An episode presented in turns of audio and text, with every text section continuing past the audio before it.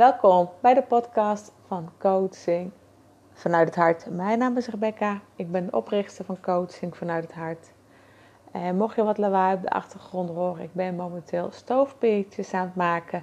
En mijn hond is lekker aan het knabbelen aan zijn bot. Dus het is een gezellige boel hier zo. En ehm, daar gaat deze podcast natuurlijk niet over. Vandaag wil ik het met jullie hebben over de drie basisreacties. Vechten, bevriezen of vluchten. Laatst heb ik er al een podcast aan gewijd. En deze reacties hebben we natuurlijk geërfd van onze voorouders, want dit was hun overlevingsmechanisme. Maar hoe weet je nu welke reactie bij jou overheersend is?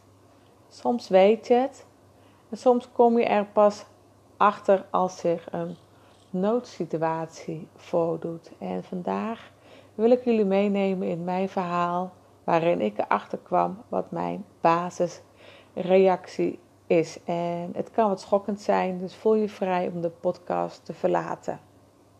We gaan even drie jaar terug in de tijd. Het was uh, eh, 4 mei en het was half acht, zoiets. En ik besloot nog even een rondje met mijn hond te doen, omdat ik graag voor achter weer terug wilde zijn. En als ik met de hond loop, dan loop ik altijd langs een vaart. En zo ook dit moment. En ik zag daar een groepje kinderen spelen. En die waren daar met een touw bezig. En uh, nou, ze hadden heel veel plezier. En ik groette hen. Zij groette mij terug. En zo liep ik verder met mijn hond. En opeens hoorde ik een noodkreet. Ik draaide me om en ik riep: Goh, wat is er aan de hand? Een van de jongens die wenkte mij en zei: Goh, puntje, puntje is het water gevallen. En ik twijfelde geen moment. Ik ben richting de kinderen gerend.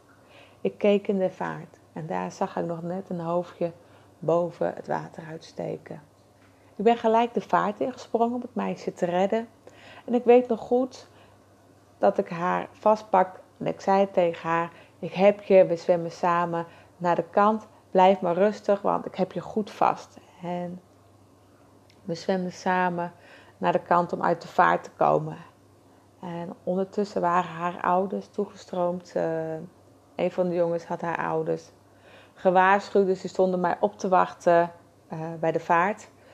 En ik liep met het meisje het water uit en uh, ik overhandigde haar aan haar ouders. Dus ik zei, ik vertelde wat er was gebeurd en ik zei, goh, ik zei, ze kan nog niet zwemmen. En die ouders zeiden van nee, ze is ook nog maar drie. Dus dat uh, kan kloppen en waarschijnlijk hebben ze er geen erg in gehad dat de vaart uh, ja, zo diep was. En dat je in één keer in het water valt, want er zit niks voor. Uh, dus je ziet ook niet dat, dat de kant ophoudt. Je valt in één keer in het water hier zo. En de ouders vroegen nog mijn adres. En uh, nou ja, ik gaf mijn adres. We hebben nog even kort gepraat. En ik liep terug naar huis. Zonder eigenlijk te beseffen wat er op dat moment gebeurd was. Uh, ik kwam thuis. En mijn man en dochter hadden zoiets van... Nou, goh mama, wat heb jij nou gedaan? Je bent zo nat. Dus ik deed mijn verhaal. Ik zei, ja, zus en zo. Ik ben het water gesprongen om meisje te redden. En uh, mijn man zei tegen mij... dus jouw basisreactie is vechten. En dat is goed om te weten, want dat betekent als zich een noodsituatie voordoet, uh, dat je gelijk gaat handelen. En dat je niet bevriest of, of, dat je gewoon doorloopt. Uh, en zo kwam ik er dus achter wat mijn basisreactie was. Mijn man die attendeerde daar uh, mij op.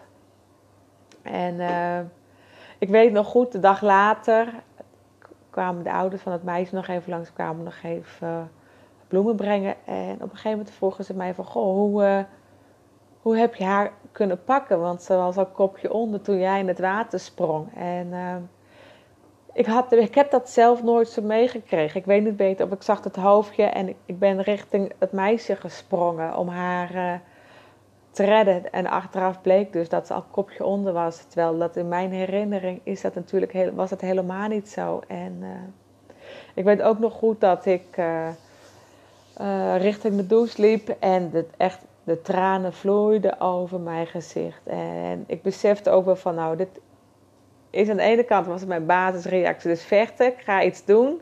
Maar tegelijkertijd was het ook een schokkende gebeurtenis, ofwel een traumatische ervaring voor mij, omdat ik er achteraf uh, ook nog wel wat last heb gehad. En ik heb dat verwerkt door middel van gesprekken. Ik heb er veel over gepraat met mijn gezin, met mijn familie, met vrienden en met collega's. En in de loop van de tijd slijt dat wel, juist omdat ik er zo goed heb over kunnen praten. En als ik verdrietig was of ik voelde me rot en ik moest huilen, dan accepteerde ik dat ook van mezelf. Oké, ik moet naar huilen, dat is prima. En ik weet nog dat ik heel vaak met de hond langs die vaart liep. En ik zag constant dat meisje dus in die vaart. En uh, dat beeld heb ik niet meer.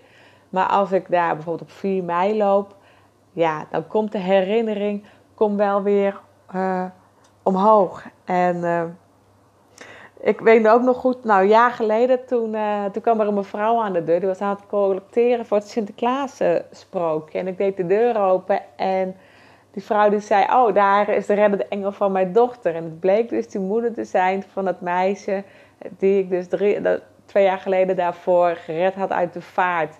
En we hebben toen nog even kort bij gepraat. En uh, gelukkig heeft dat meisje heeft er eigenlijk geen last van gehad. Ze heeft er ook helemaal niks van, uh, van meegekregen. En dat vond ik wel heel prettig uh, om te horen. En nou, zo werden we toch wel weer even herenigd. En konden we elkaars verhaal nog even doen. Van wat heeft het met jou gedaan en wat heeft het met mij gedaan. En dat was een hele mooie afsluiting gewoon wel voor deze hele bijzondere ja, situatie. En ik zou het zo weer doen. Als, als een, kind in de sloot valt, ik zou er zo weer achteraan uh, springen, om heel eerlijk te zijn. Uh, ja.